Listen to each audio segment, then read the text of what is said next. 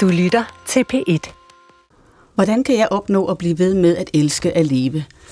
Jeg frygter faktisk punktet, hvor jeg ikke længere kan mærke den her dybe kærlighed til livet. For tænk nu, hvis man før tiden løber tør for den livskraft, jeg faktisk føler tydeligt nu. Mens en ting er at elske bestemte mennesker, så er noget andet, om man i tilstrækkelig grad kan blive ved med at den her kærlighed til simpelthen at være skabt. Mit navn er Sorine Godfredsen, jeg er præst og 55 år gammel, og jeg har i de senere år bemærket, hvordan de mennesker, der sådan er godt midtvejs i livet, kan stivne i en vis gentagelse af sig selv, mens andre på anderledes vis formår at bevæge sig videre. Og jeg vil så gerne vide, hvordan man bliver et sådan menneske, der bliver ved med gerne at ville videre. I denne anden sæson af Surine og Kærligheden, der vil jeg se nærmere på den kærlighed, der måske er endnu større end den, man føler til et andet menneske, nemlig den kærlighed, man føler til livet selv.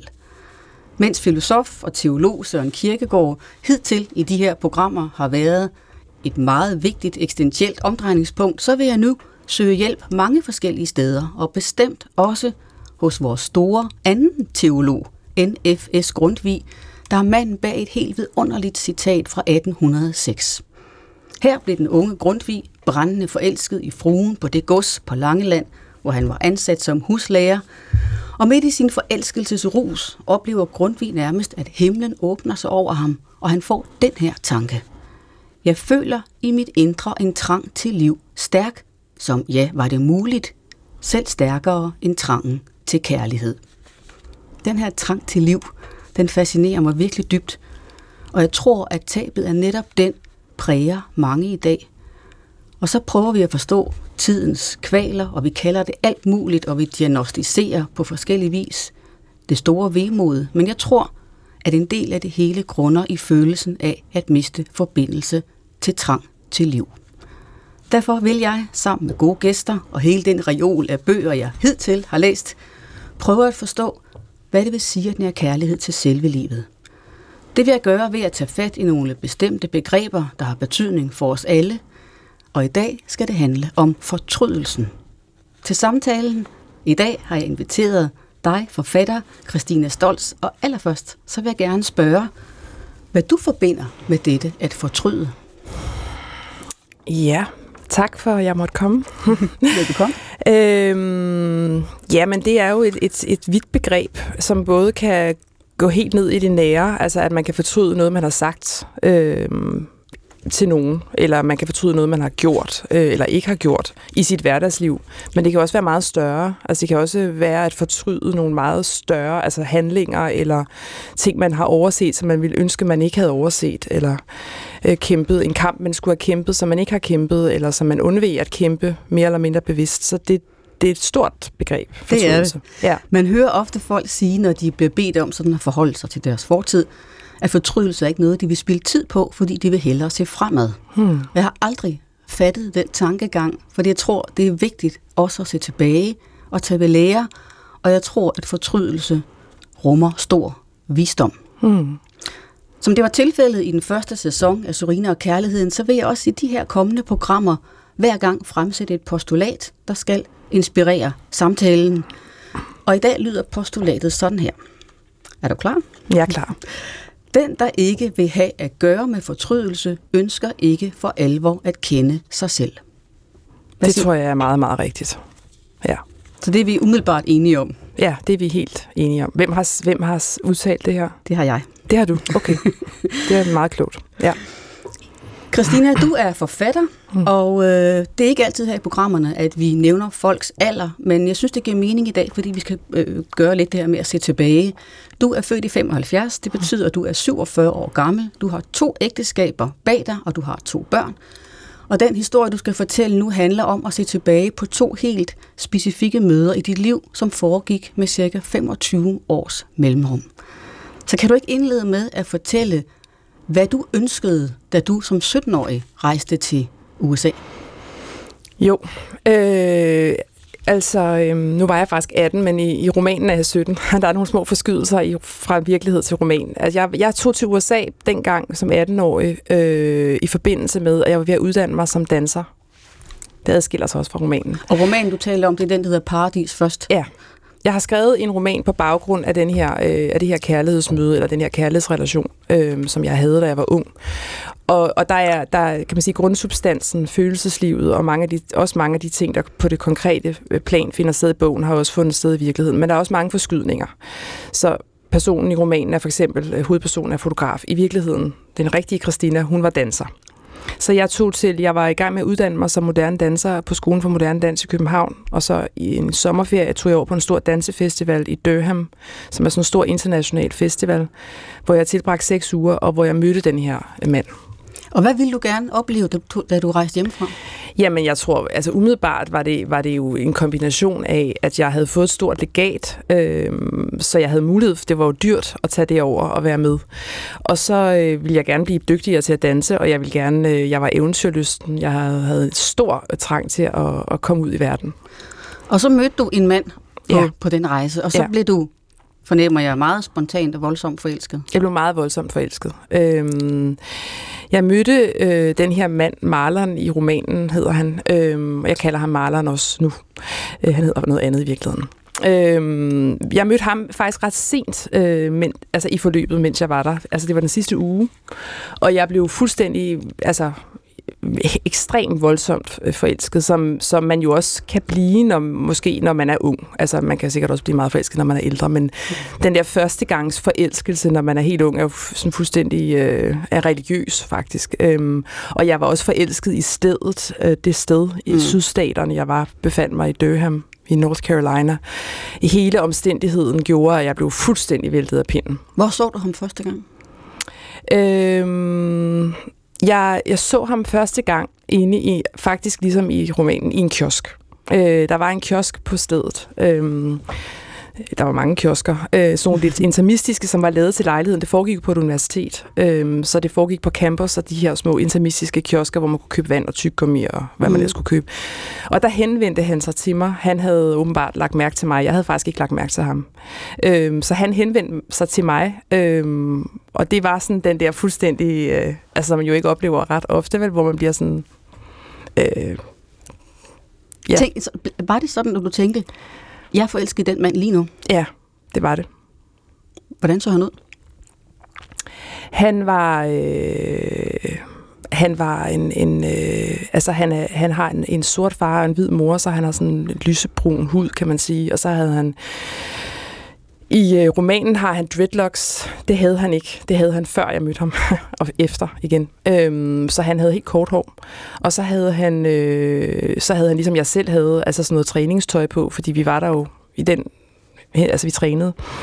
Øhm, og så husker jeg egentlig ikke, jo, så husker jeg, at han havde, at han havde, at han havde sådan lidt lange negle, hvilket jeg synes var dybt aparte og egentlig ret frastødende. Og jeg, og jeg tænkte, at han, at han måske nok var homoseksuel. Øh, fordi han havde sådan en meget, meget... Øh, øh, feminin måde at gestikulere på. Han havde sådan en helt anden, end jeg havde været vant til for de mænd, jeg havde kendt. Så mange mænd havde jeg ikke kendt, men dog havde jeg kendt nogen. Øhm, han, han, han var helt anderledes end noget, jeg havde mødt. Og så havde han den her meget, meget dybe, dybe stemme, som var øh, som satte sig i mig med det samme. Sådan en meget, meget øh, smuk klang i den hvis du, stemme. Hvis du skal beskrive hans udstråling, hvad vil du så sige? Jamen, det var, det var ikke ubetinget øh, øh, en god udstråling. Altså, det var en, en, en, det var en, en ambivalent fornemmelse, jeg fik, selvom jeg blev så forelsket. Øh, det var en, en blanding af noget, af noget meget, øh, ja, som jeg sagde før, noget helt anderledes, noget helt fremmed end noget, jeg havde kendt, og så noget, øh, noget, noget vist, noget jeg bef- altså der var et eller andet sådan oplyst øh, over hans måde at tale på og hans udstråling, men der var også noget meget mørkt. Så jeg mærkede ligesom alt det med det samme. Var der noget i, den, i det møde, der sagde, det her skal jeg nok holde mig fra? Ja, det var der. Det var der. Men det var andet var så stærkt, kan man sige. øh, altså den forelskelse eller den fascination, den var så voldsom, så, så den, den lille stemme, der talte om, altså der sagde det, at jeg måske skulle passe på, den, den blev meget hurtigt overhørt. Og jeg var som sagt også meget ung, så ja. ja. Og så, så var I kærester i en periode? Nej, det var vi faktisk ikke, øh, fordi det var jo så den her uge, vi tilbragte sammen, øh, hvor vi var ja, hvad kan man sige, kærester kan man jo ikke kalde det, når det kun er en uge langt, men altså det var jo et, et kærlighedsmøde og et erotisk møde. Øhm, og så tog vi hver til sit, og så havde vi en længere brevudveksling, øh, altså rigtige breve, man skrev på det tidspunkt, det var ikke mails. Mm. Og, øhm, og så på et tidspunkt, så skrev han et brev til mig, hvor han skrev, at han kunne ikke øh, fortsætte øh, den her relation, fordi han, øh, det viste sig faktisk, og det vidste jeg jo ikke på det tidspunkt, men han havde faktisk en kæreste. Øh, han gik på universitetet i... Øh, i Massachusetts, og der havde han en kæreste, og han ville gerne fortsætte med at have den kæreste. Så vi brød, eller han brød kontakten, øh, og det var jeg selvfølgelig på nogen måde ulykkelig over, men samtidig kunne jeg jo godt mærke, at det her var uholdbart. Altså, vi var i to verdensdele, og der var ikke udsigt til, at den ene eller den anden skulle flytte sig. Men det, der så skete, og det er ikke med i romanen, to år senere, at det her brev, hvor han brød med mig, kom, der blev jeg ringet op af en veninde, som arbejdede ind på Nimbus Film, og sagde til mig, som sagde til mig, her i receptionen står maleren. Og så siger jeg, what, hvad taler du om? Øh, hun havde set billeder af ham, fotografier, jeg havde taget. Og han var meget, som sagt, karismatisk, og meget, sådan, han havde sådan en tydelig skønhedsplet her ved, heroppe ved øjenbrynet. Altså han var, han var en, man, man genkendte, og hun genkendte ham. Og hun havde spurgt ham, hedder du Marlon? Kender du Christina? Ja, det gjorde han. Så det var jo fuldstændig vanvittigt, og det var tilfældigt. Så han havde i efterfølgende, for han var blevet færdig på universitetet, han var flyttet til London, der havde han mødt en dansk mand, han var blevet venner med ham, de var taget til København. Så fuldstændig tilfældigt. Mm. Og der øh, mødes vi så for alvor igen, og der starter vores rigtige kærlighedsforhold. Vi bliver kærester lige med det samme. To år efter bliver vi gift, og så har vi en, et forhold i næsten 10 år. Og så sker der jo det, at I øh, skilles i lang tid. Ja. Og hvad, så, så tager dit liv en, en anden drejning, kan man sige. Ja. Ja, så har vi jo det her lange forhold, øh, hvor vi henholdsvis bor i Danmark og USA on and off. Altså, vi bor både, nok mest i Danmark, men vi bor også i USA. Øh, og så bliver vi skilt, øh, og så efter det, nogle år efter det, bliver jeg så på ny, finder jeg en ny mand øh, og får børn med ham. Og har et langt liv, kan man sige. Øh, og vi har ikke kontakt i mange, mange år. Jeg skal lige høre, hvad var grunden til, at I blev skilt? Fordi I var jo åbenbart meget forelskede. Ja, øh, det er der jo mange grunde til, man bliver. Med, øh, og det udfolder jeg på nogle måder i romanen, men i den virkelige verden, ja, hvorfor blev vi skilt? Altså, det var et meget, meget... Øh, øh, jeg vil ikke sige dysfunktionelt forhold, det er lidt forkert, men, men det var et, et meget stormfuldt forhold. Vi var meget unge, og vi, var, vi havde begge to rigtig mange ting at slås med fra vores øh, baggrunde. Øh, men altså, var det sådan, I skændtes meget? Nej, vi skændtes faktisk stort set aldrig. Hvad var, øh, hvad, hvad øhm, var det stormfulde så? Hvad siger du? Hvad var det stormfulde? Det var øh, følelserne. Altså det var, det var, man kan jo godt øh, have stormfuldt, uden at man skændes og kaster med ting, men man, man, man har en meget dyb, dyb relation, og vi, vi, øh, vi, vi havde et symbiotisk forhold.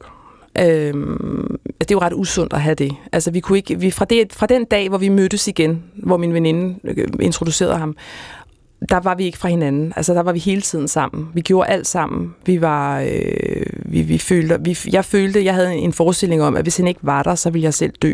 Altså, så det var, vi havde sådan en, en, en nærmest sådan religiøs måde at tale om vores forhold på, og vores relation på, som jeg kan se i retrospektiv ikke var særlig sund. Øhm, så det, var, det, det måtte ske. Vi måtte på et eller andet tidspunkt rives løs fra hinanden. Det var meget usundt. Når du siger religiøs sådan symbiose, hvad betyder det helt konkret? Jamen, det betyder det sprog. Altså, nu er det jo rigtig længe siden, så nu taler jeg jo om det. Altså, jeg har jo skrevet mange ting ned i mine dagbøger og så videre, men, men som jeg husker det, øhm, så var det så noget med, at vi var øh, sjæle, øh, øh, sjæle venner eller sjæle søskende, vi var meant to be, vi var, øh, vi, det var noget højere oppefra, der havde bragt os sammen. Øh, vi ville ikke kunne leve uden hinanden, vi var ligesom tvillinger, vi var, altså du ved, det var sådan et slags sprog, vi mm. talte. Mm. Øhm.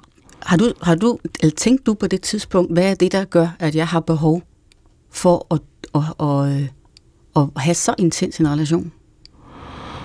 Nej, det tænkte jeg først over efterfølgende.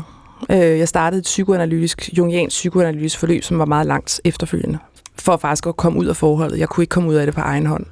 Og der, der begyndte jeg via den analytiker ligesom at stille spørgsmål, så, så begyndte jeg ligesom at tænke og, og forstå, at det her, det var, det var der en grund til selvfølgelig. Men hvem, hvem af jer var det så, som brød? Eller brød I med hinanden, eller var I enige om det?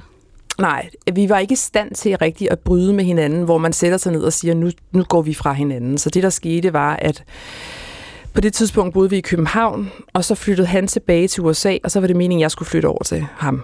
Øhm, efter et, et halvt år eller sådan noget. Der var en masse ting, jeg skulle have ordnet i København først. Og mens vi var fra hinanden i den periode, der kunne jeg godt mærke, at det var ikke sikkert, at jeg skulle det, men jeg var ikke i stand til at sige det højt. Så i stedet for, så tog jeg til Barcelona i en periode, øhm, og så kom han der. Og så blev vi enige om, at nu tager vi en pause, øh, hvor vi ikke har kontakt, og så finder vi sammen efter den pause. Mm. Og i den pause, der besluttede jeg, at, at jeg skulle ikke tilbage til ham. Okay. Og så skrev jeg det, skrev jeg et brev. Og så havde vi en telefonsamtale efterfølgende, og så sås vi så ikke i, i de her mange, mange år efterfølgende. Og så er jeg nødt til at spørge dig selvfølgelig også ja. i, med begrebet fortrydelse i baghovedet. Da du skriver det brev, er, er du så bange for, at det her det kommer jeg til at fortryde? Øh, nej. Jeg, eller, altså, jeg, jeg, jeg, jeg kunne ikke andet. Altså, nogle gange når man et sted hen i, i relationer eller i, med, med omstændigheder i sit liv, som gør, at man ikke længere har et valg. Man kan ikke træffe, man kan ikke sige, måske går jeg den vej, måske mm. går det. Altså, alt i din krop taler kun for, at du går i den her retning. Og der var jeg nødt til. Så jeg kunne ikke, jeg kunne ikke fortryde det, men jeg, jeg var bange, ja, for hvad, konsekvenserne. Hvad frygtede du, der ville ske, hvis du, jeg frygtede, ble, han ville dø. Hvis, hvis du blev hos ham? Jeg frygtede, at, at hvis jeg blev hos ham, øh, frygtede jeg, at jeg ville gå til grunde.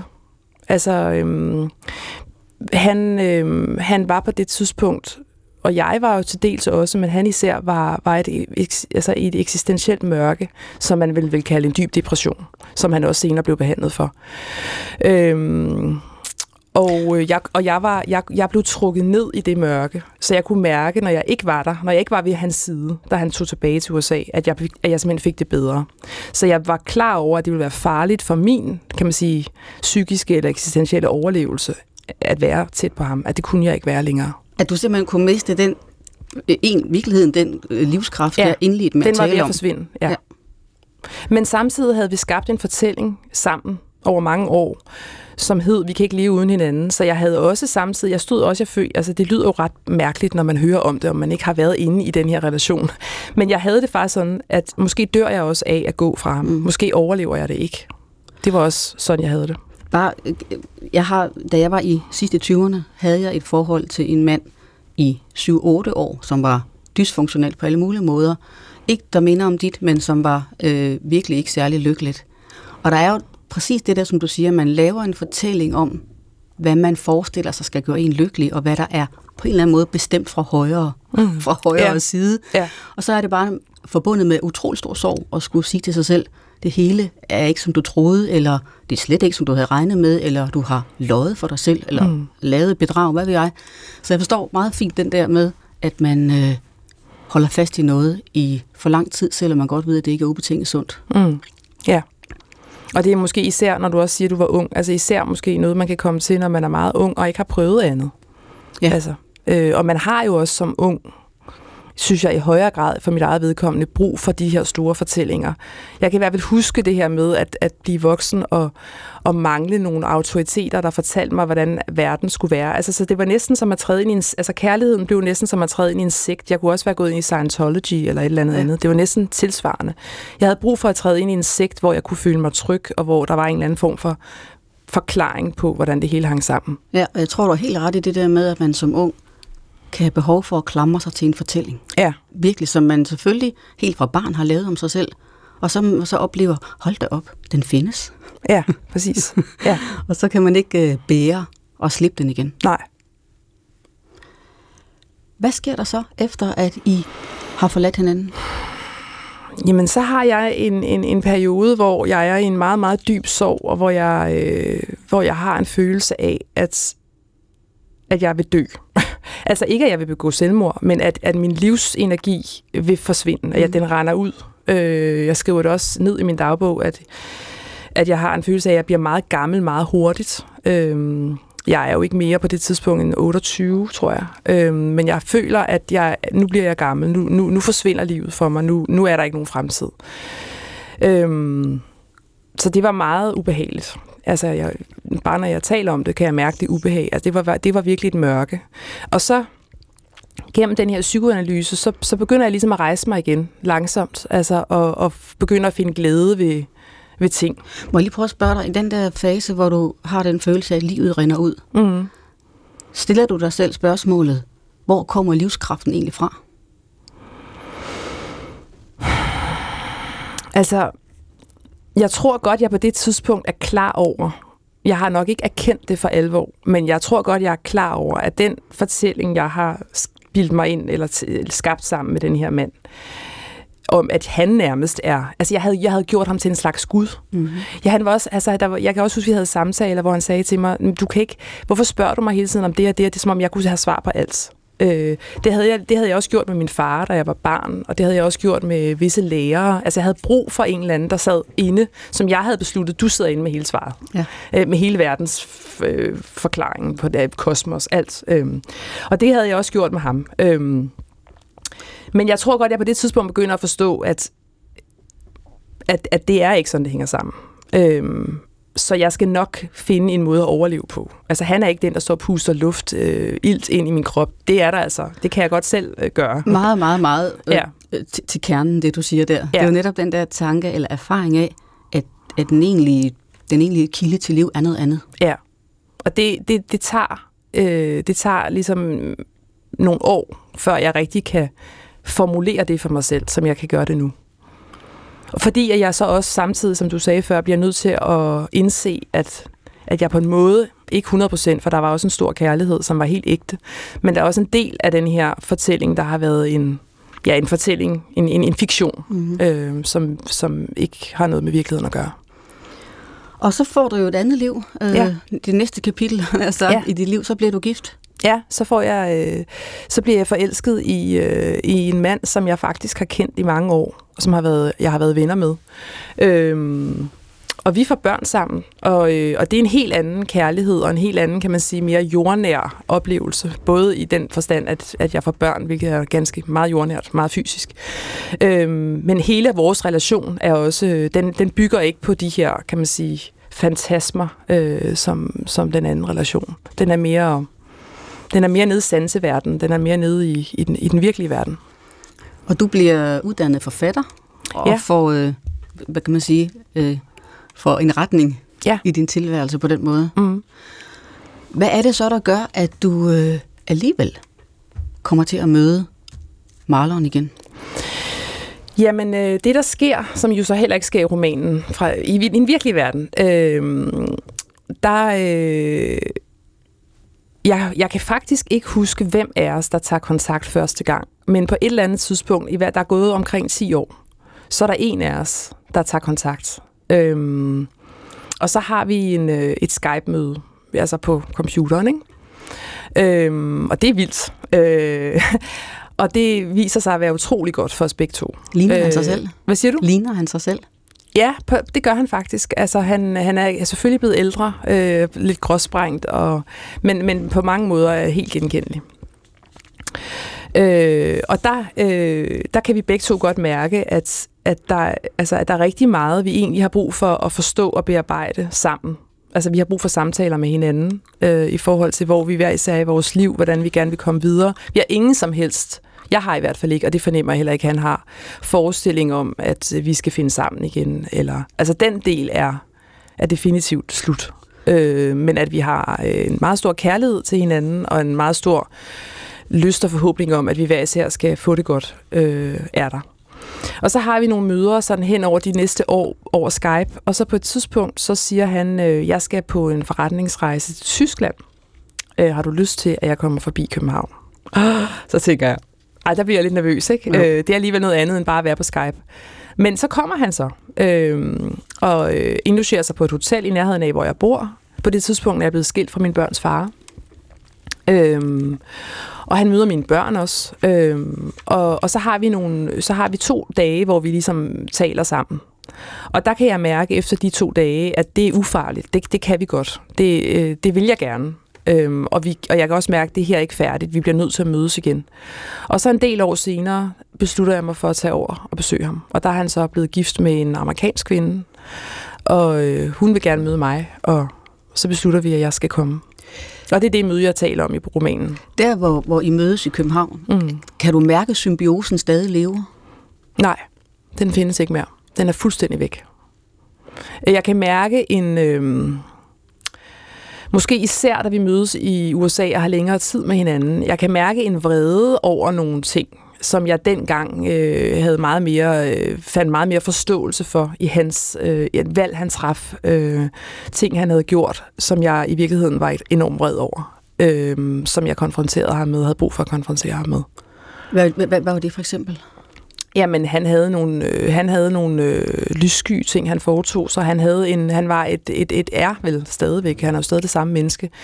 Et, som sagt, øh, fuld af lys og glæde og øh, klogskab, men også et mørke. Og, og, og det udmundede, udmundede sig helt konkret i, at han på den ene side blev uddannet fra et eliteuniversitet i USA, og kunne have gjort alt muligt med det. Øh, men han havde så også en anden side, som var over i det mere kriminelle som jeg øh, godtog, eller hvad kan man sige, accepterede, fordi han på en eller anden måde, i den måde, i det sprog, det fælles sprog, kunne skabe en logik ind i mig. Altså så, nå ja, det bliver du nok nødt til. Sådan havde jeg det dengang. Og det kan jeg jo se i retrospektiv, at det har jeg ikke, øh, det skulle jeg ikke have, det skulle jeg ikke have sagt øh, god for, eller accepteret.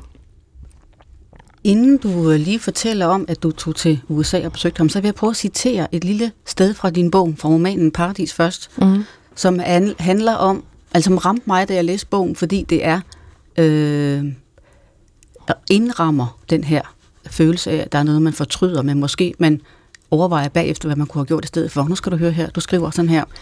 I virkeligheden er den chance, man får så lille. Den energi, der skal til, vitaliteten, hvor længe holder den, og hvad hvis mørket er omfattende, hvis smerten er komprimeret som havl, der hele tiden slår mod roden. Det her, den her tanke om, at vitaliteten er så lille, Ja. det er jo også lidt det, jeg var inde på i begyndelsen, og som jeg rigtig gerne vil prøve at forstå bedre, at man kan være bange for at miste den chance til liv, man har fået. Så når du tager tilbage til USA og besøger Marlon, og I er nu i jeres ikke-symbiotiske tilstand, er der noget, du gerne vil øh, mærke igen, eller er der noget, du vil for, forvisse dig om virkelig ikke er der, eller vil du have en idé om, hvordan du kommer videre i tilværelsen?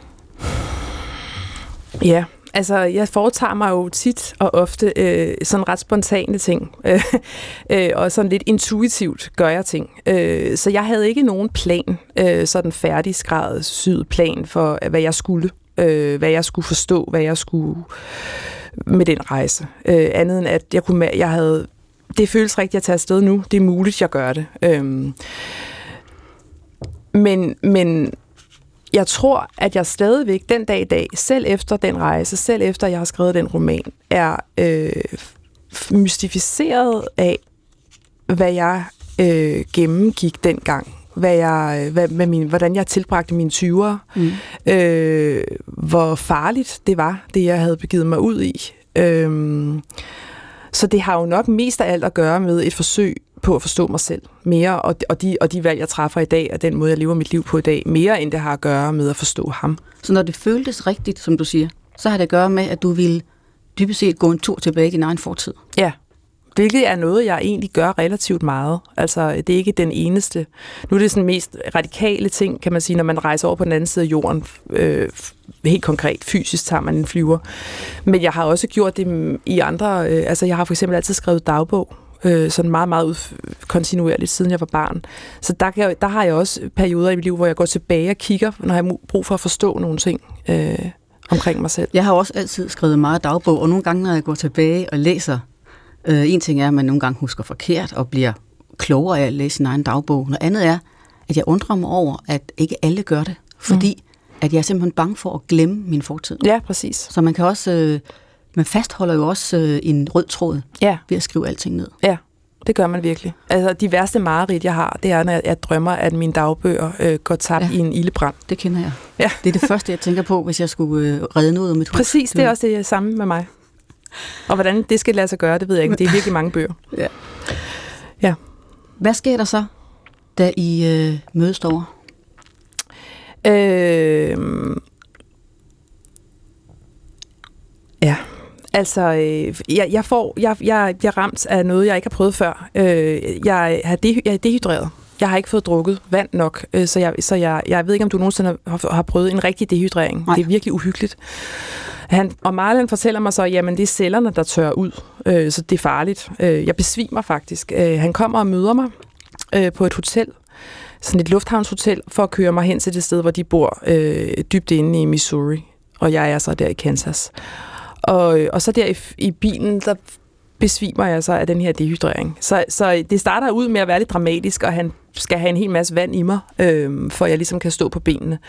Så det er første møde. Øhm, og efter det, så, øh, så bruger jeg egentlig rigtig meget tid på at gå og, og suge til mig og sanse, kan man sige, det sted, han befinder sig, og den kvinde, han er sammen med, og de omstændigheder, han har bragt sig selv i. Altså, det lyder, det lyder dårligt, men, men, men det er ligesom meget, meget overraskende. Altså, det, det, det, det valg, han har truffet der, øh, havde jeg aldrig set komme. Altså, han kommer fra Kalifornien, fra en hippie, akademisk hippie-familie, øh, uddannet i Massachusetts, øh, havde forestillinger om, at han skulle blive den første ja, Obama-sorte præsident.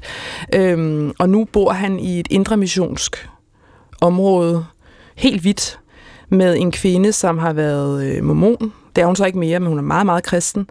Og øh, hun har et barn med Down-syndrom, som hun tager sig af næsten fuldtid. Altså, det er en helt, helt anden situation, end den, jeg havde forestillet mig, han skulle befinde sig i. Men fik det dig til at tænke, at I begge to øh, levede i en, i en drøm? Dengang? Ja. Nej, det fik mig mere til at tænke, at, at, at kærligheden er, er virkelig uforudsigelig. Altså, hvor, altså, fordi jeg forstod faktisk godt, hvorfor han var sammen med den kvinde.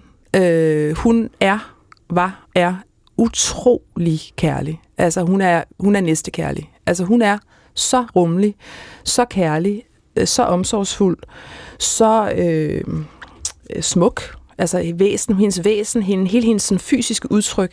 Jeg kunne godt forstå, hvorfor det var rigtigt for ham. Jeg havde så svære ved at forstå, hvor, hvordan han kunne være lige der, altså et fysisk sted. Det sted var, var ikke specielt tiltalende, men, men øh, jeg kunne godt forstå at hans kærlighed til hende. Så, så jeg tænkte ikke sådan, altså, at det var en løgn dengang, og nu var det rigtigt, men, men jeg, kunne godt, jeg kunne godt alligevel på en eller anden måde bygge en bro mellem det, han var dengang, og det, han var nu. Kunne du bygge en bro mellem det, du var dengang?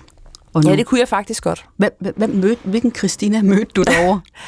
Øh, jamen, jeg mødte, jeg mødte stadigvæk en, en, en, øh, et narrativ, en fortælling, altså en, en, en måde at fortælle sig selv. Altså, det gjorde de to også. Altså, der var mere tilbage af den måde, vi var sammen på dengang, i deres relation, end der var inde i mig. Jeg lagde for eksempel mærke til de tegninger, han havde tegnet. Han tegner meget. At deres, hvor sådan to, to mennesker, der flyver ud i universet, omslynget. Øh, det var sådan noget, han gjorde dengang også. Som, som er sådan en, en forestilling om kærligheden, som jeg ikke længere øh, føler eller er en del af eller opsøger. Øh, så der var, der var noget af den her sådan lidt spirituelle tilgang til, til kærligheden, som han stadigvæk øh, havde behov for. Øh, så der, der, der, der kunne jeg genkende.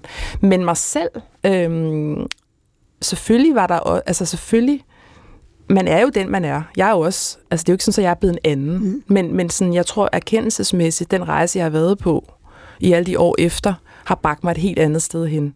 Både i mit kærlighedsliv og i mit øvrige liv. Og måden, jeg ser ting på. Den der, forstår ting på. Det besøg derovre, fik det dig til at tænke, at øh, der virkelig er noget, du tænker tilbage på med fortrydelse? Ja. Men det er ikke fortrydelse over, at vi ikke længere er sammen. Men det er en fortrydelse, som handler mere om, hvor alvorligt jeg var som ung hvor lidt jeg festede, hvor lidt, hvor, hvor bange jeg var for verden og fremtiden. Jeg var ikke bange for at træde ud i verden, altså jeg var nysgerrig på verden, men jeg var, jeg var, havde brug for de her store fortællinger og klamre mig til for at kunne øh, være til. Øhm, så jeg kan godt, og, og fortryde sig måske et forkert ord at bruge, fordi man kan jo ikke gøre for, hvem man er. men, men jeg kunne godt have ønsket mig for den, jeg var dengang, at jeg havde set lidt lettere på tingene, at jeg havde haft det lidt sjovere, at jeg havde øh, drukket nogle flere øl og læst nogle færre bøger. Men for, var, der, var der noget ved jeres lange relation, hvor du bagefter tænker nu, at, at, øh, at du også, eller også undervejs var klar over, nu gør jeg noget, som jeg kommer til at fortryde, og som du stadig kan mærke? Ja, altså jeg, i, i, i, min, i min desperation, sådan er det jo desværre tit, når, man, når et kærlighedsforhold begynder at, at gå i stykker, og det gjorde det egentlig ret tidligt. Altså, det kan jeg se nu, det så jeg jo ikke dengang. Øh, vi blev jo sammen længe efter, at det begyndte at gå i stykker. Og den desperation, vi følte, førte til, at jeg, var, øh, at jeg virkelig ikke blev den bedste udgave af mig selv, og jeg var meget, meget hård ved ham, og har sagt ting til ham, som jeg ville ønske, jeg aldrig havde sagt, som var dybt sårende. Det fortryder jeg virkelig. Når man har været igennem sådan en, en intens ting, som I har, og har også har gjort og sagt ting, man fortryder, mm. hvornår holder det så op med at gøre ondt? Jeg tror jo ikke på, at man bare kan vende ryggen til. Jeg tror, man, jeg tror på, at man skal gå gennem smerten for at komme ud af den. Og, og, og en del af smerten kommer man måske heller ikke helt ud af. Øhm, men det føler jeg lige præcis i den her relation, der føler jeg faktisk, at jeg er kommet ud på den anden side.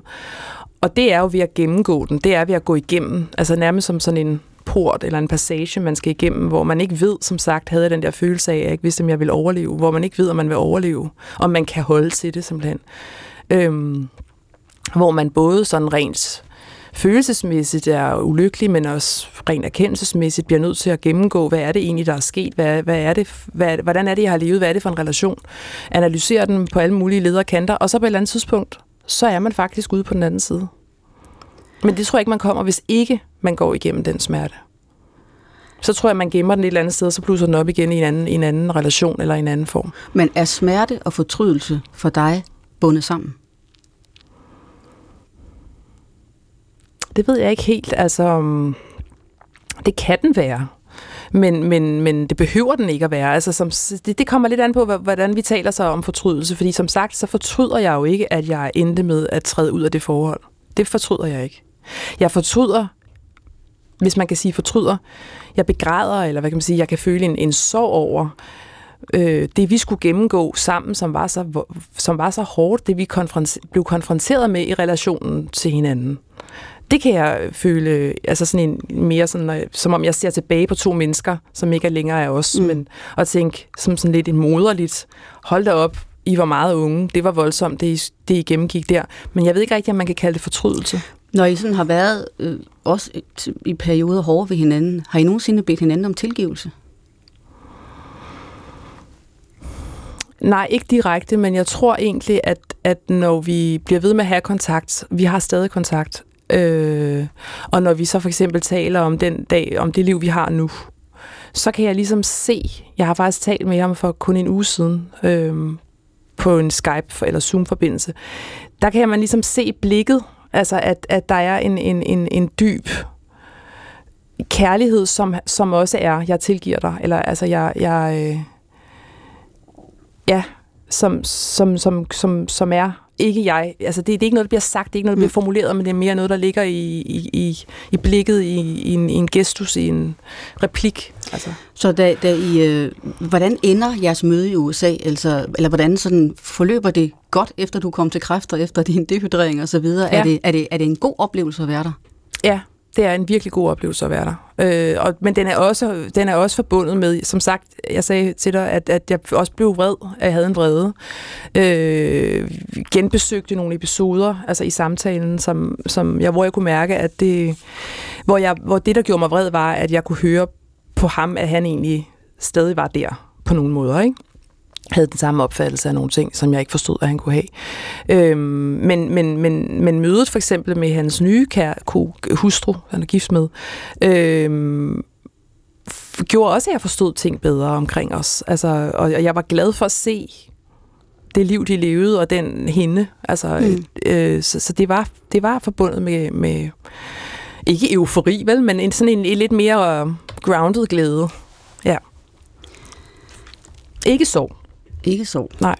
Nogle gange, når jeg øh, tænker tilbage på den der unge fase, som du også er inde på, så kan man jo godt, som du også har strejfet, være øh, usikker på, hvad man egentlig ønsker. Øh, og, og jeg vil gerne lige prøve at citere et citat for dig af den russiske forfatter Tolstoy, som har skrevet øh, sine bekendelser sidst i 1870'erne om hans tur hen mod den kristne tro.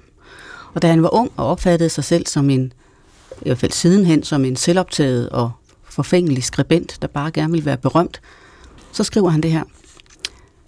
Hvis der kom en god fe og tilbød mig at få mine ønsker opfyldt, ville jeg ikke vide, hvad jeg skulle sige. Hvis jeg i beruset tilstand af gammel vane udtrykte ønsker uden egentlig at ønske noget, vidste jeg, i nøgtern og ædru tilstand, at det var et bedrag, at det ikke var noget ønske. Og jeg citerer det for dig, fordi jeg selv tit tænker lidt, når man overvejer det, man kan fortryde fra sin fortid, at man som ung, og også senere i livet nogle gange, faktisk ikke helt er på det rene med, hvad man gerne vil have. Og selv man fik muligheden for at få sit ønske opfyldt, er det ikke sikker på, at man kunne svare. Og jeg havde det forhold til den mand som ung i gamle dage, som var ikke specielt lykkeligt, var jeg heller ikke sikker på, at jeg helt inderst inde vidste, hvad jeg ønskede, der mm. skulle ske. Men man lever i en fortælling om noget, der virker smukt, men det er ikke sikkert, at man ville ture tage imod det, mm. hvis man rent faktisk fik det. Så nogle gange, når man fortryder noget, så tænker man også tilbage på en tid, hvor man måske faktisk ikke rigtig vidste, hvad man gerne ville, og så famler man jo i blinde. Mm. Kan du mm. kende den fornemmelse? Ja, i høj grad. Øhm, og det, altså, jeg ville ønske, at man havde vidst, havde lært, øhm, at, det, at det dybest set er det jo en, en, en meget lidt øh, cerebral, øh, kan man sige, hjerne. Øh, det handler ikke om, hvorvidt den her person er klog, eller hvorvidt den her person er det ene eller det andet. Det handler om, hvordan du fysisk har det i nærværet af den anden. Mm. Har du det godt i nærværet af den anden, så er du nok på rette vej. Det er jo ret basalt på den måde. Men man kan have alle mulige forestillinger om, at, øh, hvad for en slags kæreste det skal være, og hvad for en slags liv man skal leve. Og, og det var måske også det, der var ret øh, på mange måder fint ved at møde maleren igen med den her nye kvinde, at det var et ret simpelt liv på mange måder, men de to mennesker var glade sammen. Og det er jo bare det, det handler mm. om.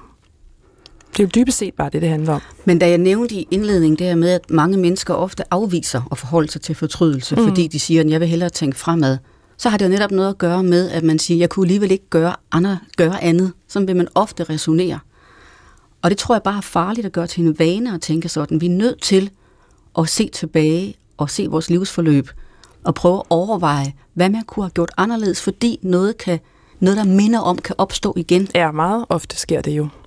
Ja. Kender du den erfaring af, at man, at man øh, at, at du trækker din fortid med dig, og også bruger den til noget nu? I høj grad.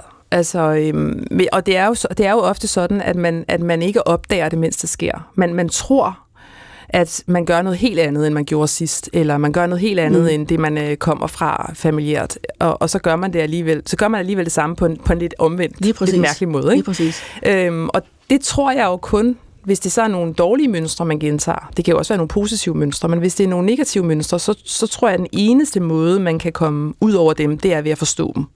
Altså se dem i øjnene. Ja, så tror jeg bare, man bliver ved med at gentage. Din historie, som du har fortalt her i dag, er den, er den en øh, kilde til dig, eller for dig til livskraft og glæde, eller er den kilde til vemod? Den her historie? Ja. Nej, den er kilde til, til, til glæde og livskraft nu. Det har den ikke været før, men det er den i høj grad nu. Øh, på den måde føler jeg, at jeg er gået... Altså, der er jo så også gået mange år. Min ældste søn er 17, og ham fik jeg efterfølgende, ikke? Så der er gået mange år. Øhm, så, så, så nu, nu, nu kan jeg jo også se alt det, det kunne jeg jo ikke i, i begyndelsen efter, at vi sluttede med hinanden, men nu kan jeg jo se alt det fantastiske, vi både oplevede sammen og øh, erkendte sammen. Og, altså nu har jeg jo ikke lyst til, at vi ikke skulle have haft den relation. Selvom at jeg også kan se, at det var hårdt og så videre. Men, men fordi jeg er ude af den tilstand, af, det, af den smerte, af den sorg, så, så kan jeg se de positive ting. Når du tænker tilbage på, på dig selv som ung, hmm. og du siger det med, at du læste for mange bøger, hmm. og du var ikke udadvendt nok, og, og det er jo også en fortrydelse, som hmm. jeg synes virkelig giver mening, selvom hmm. du kunne, kunne ikke gøre andet dengang, men det kan stadig give mening at fortryde det. Hvad var det, øh, kan man sige, du mistede i den fase? Og kan det samles op igen? Nej, jeg tror ikke, det kan samles op igen, og, og jeg... Øhm jeg tror også, at det har at gøre med en forestilling om, hvad ungdommen skal være. Vi har jo en ungdomsbesættelse. Den er ikke blevet mindre med, med, i, i den tid, jeg har været voksen. Og den ungdomsbesættelse handler meget om, at altså, når du er ung, så skal du have det, skal du have det sjovt, så skal du være fri, så skal du... Det er der, det hele sker. Og så bliver du gammel og kedelig. Det er sådan den måde, vi mm. ser livet på. Det er jo meget mærkeligt i virkeligheden.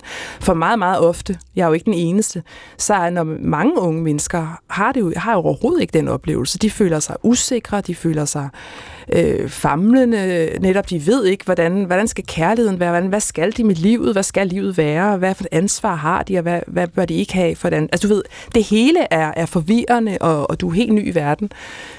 Så du har ikke nødvendigvis, nogen har, men du har ikke nødvendigvis det her overskud og glæde og øh, let, letsindighed, øh, letsindhed. Mm.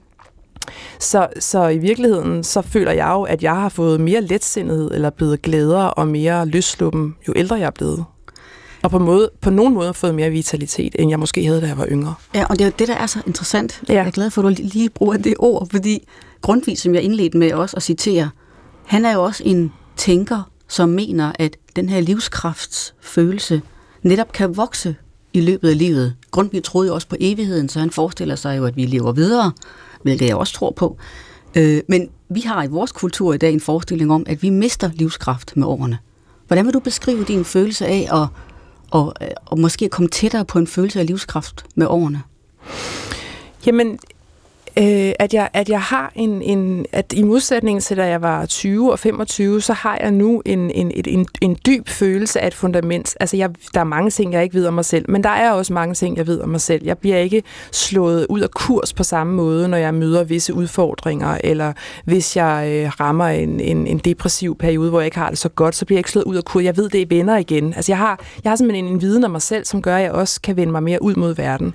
Jeg føler, at jeg kan afkode mange, mange flere ting i verden og i mig selv, end jeg kunne før. Og det giver mig simpelthen en overskud til at øh, gå ud på opdagelse og møde eventyret på en helt anden måde, end jeg, end jeg kunne før. Er det for dig en ren menneskelig kraft, eller tror du, den kommer et andet sted fra?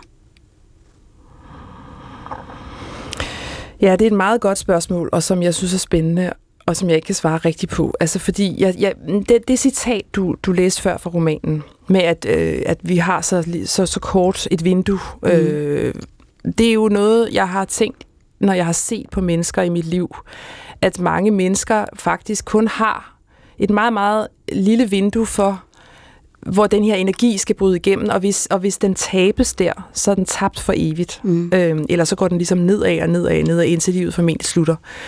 Så hvad er det så, der gør, at nogle mennesker har ja, kræfterne, simpelthen, mm. energien til at møde store, store øh, kriser, sorger, udfordringer, og alligevel øh, have en opadstigende kurve. Altså er det genetik? Er det, er det livsomstændigheder? Er det, altså hvad er det? Er det øh, tro? Øh, og, ja.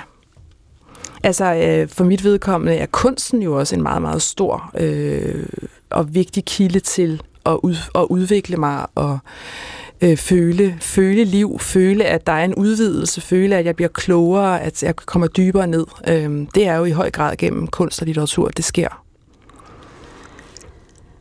Vi skal lige tilbage til postulatet igen, som jeg øh, havde med fra begyndelsen. Jeg siger det lige en gang til. Mm-hmm. Den, der ikke vil have at gøre med fortrydelse, ønsker ikke for alvor at kende sig selv. Og første gang jeg sagde det højt, der var du enig i, at sådan er det. Øh, er der noget, som du vil tilføje til det her postulat? Ja, altså man kan sige, øh, at, at, at man at, at det bedste råd, jeg vil kunne give et ung menneske, vil være ikke at være så bange for fortrydelsen. Altså ikke være så bange for at se i øjnene, at du er fejlbarlig, at du begår fejl øh, at, at den bedste måde ikke at begå fejl på igen, den samme fejl, du begår andre fejl, det er ved at se den i øjnene, øh, fortryde den og forstå, forstå måske, hvorfor det her skete, hvorfor du gjorde det her, øh, i stedet for at vente væk. Så, så, så, vil der være, så vil der virkelig være grobund for, at du kan vokse som menneske, og at du kan blive, at du kan blive beriget af verden på en helt anden måde, øh, at blive, blive beriget af at leve simpelthen på en helt anden måde, end hvis du hele tiden vender dig væk fra skammer dig. Altså vi mm. skammer os jo over ting, vi gør galt. Det gør jeg da også selv. Men så se skammen i øjnene. Øhm, sig det højt. Jeg siger, det, jeg siger tit højt, når jeg skammer mig. Så siger jeg det simpelthen til dem, der er i rummet. Jeg skammer mig over det, jeg lige gjorde her, eller sagde, eller jeg har det skidt med det. Og så allerede der øh, er jeg kommet skridt videre. Det interessante ved det her er jo, at vi jo i høj grad opdrages til at få at vide, at vi skal som folk også typisk siger, jeg vil hellere se fremad, at vi har den her progressive, fremadskridende mm. forestilling om, at vi skal hele tiden bevæge os i den retning, og ikke se tilbage. Og det tror jeg, nu du lige siger den formulering der med de unge, at det kan også være med til, at, man, at det er endnu sværere at være ung, fordi man netop har følelsen af skam, har følelsen af fortrydelse og alt muligt andet, og tror, at det er noget, der skal glemmes, så man kan komme videre. Mm. Og der tror jeg så også, at man kan hjælpe øh, sig selv og hinanden med at sige, at kig nu tilbage og fortryd bare, mm. fordi du bliver klogere af det. Mm. Tal du og Marlon med hinanden om, hvorvidt I fortrød, har fortrudt jeres historie? Øh, vi, har ikke, vi har ikke så eksplicit brugt det ord fortrydelse, men vi har talt om øh, vi har talt om ting, vi var kede af. Altså, hvorfor formåede vi ikke det her? Eller hvorfor, hvorfor gjorde vi sådan og ikke sådan? Øh, det har vi talt om. Og så har vi så samtidig også talt om med et smil. Ja, vi var, vi var ligesom ikke så gamle, vel? Altså, vi var ret unge, og vi mm. famlede på alle niveauer. Øh, så deri ligger der jo også en tilgivelse, altså uden at sige direkte jeg tilgiver dig, eller jeg fortryder, så har vi talt os rundt om det. Men når du ser i dag hans liv som er anderledes, end du havde forestillet dig, at hans liv skulle blive, tror du så, at han har fortrudt inderst inde? Altså fortrudt hvad? At han var sammen med dig. At han var sammen med mig, eller at vi ikke længere er sammen? At han var sammen med dig. De brugte så meget tid på det. Mm, nej, det tror jeg egentlig ikke, han gør. Nej, jeg, jeg tror, at, at, at, at jeg er for vigtig. Jeg er for, jeg er for nu, nu bliver jeg helt megaloman her, det er ikke meningen. Men altså, jeg tror, jeg er for vigtig et menneske i hans liv, ligesom han er i mit liv, at den oplevelse, vi havde sammen, var så transformerende. Øhm, så det kan man ikke fortryde. Det var, det var for vigtigt. Det skulle ske. Altså på den måde var det, nu taler jeg igen om det som sådan en skæbne møde, men, men det føles for mig, og jeg tænker også for ham, som, som noget, der skulle finde sted. Når du lever dit liv i dag, og øh, er et andet sted end dengang, og har børn og forfatter og så videre, er der så noget, øh, hvor, hvor du i kraft af din fortid ser dig selv som en, der, der hele tiden samler dig selv op? Nu ved jeg, at du skriver dagbog og har den der idé om, at man skal se tilbage. Er det sådan, du lever dit liv nu også? Ja, sådan lever jeg faktisk mit liv. Øhm, det, det, det, det, er blevet en, det er blevet en måde at, at, at trække vejret på. Altså, jeg kan ikke forestille mig en anden måde at leve mit liv på. Det er ikke noget, jeg tænker over, det skal, nu skal du huske at gøre sådan. Det er noget, jeg bare gør. Ligesom jeg børster tænder. Det synes jeg er en lavpraktisk god udmelding. Christina Stolz, øh, tak, fordi tak. du var min første gæst i den her nye sæson af Sorina og Kærligheden. Og inden vi slutter, så skal vi lytte til programmets nye kendingsmelodi. Det er selvfølgelig stadig gasolin, der er på banen, men det bliver en ny sang i forhold til sidste gang. Og den hedder Kloden drejer stille rundt. Den kommer fra den LP, der hed Efter endnu en dag fra 1976 og den er bare uendeligt smuk. Det er Mikkel Clausen, der er tilrettelægger. Han sidder i teknikken og styrer lyden. Og husk, at man kan finde øh, udsendelserne her i serien, eller Sorina Kærligheden på DR Lyd. Jeg hedder Sorine Godfredsen. Tak fordi I lytter med.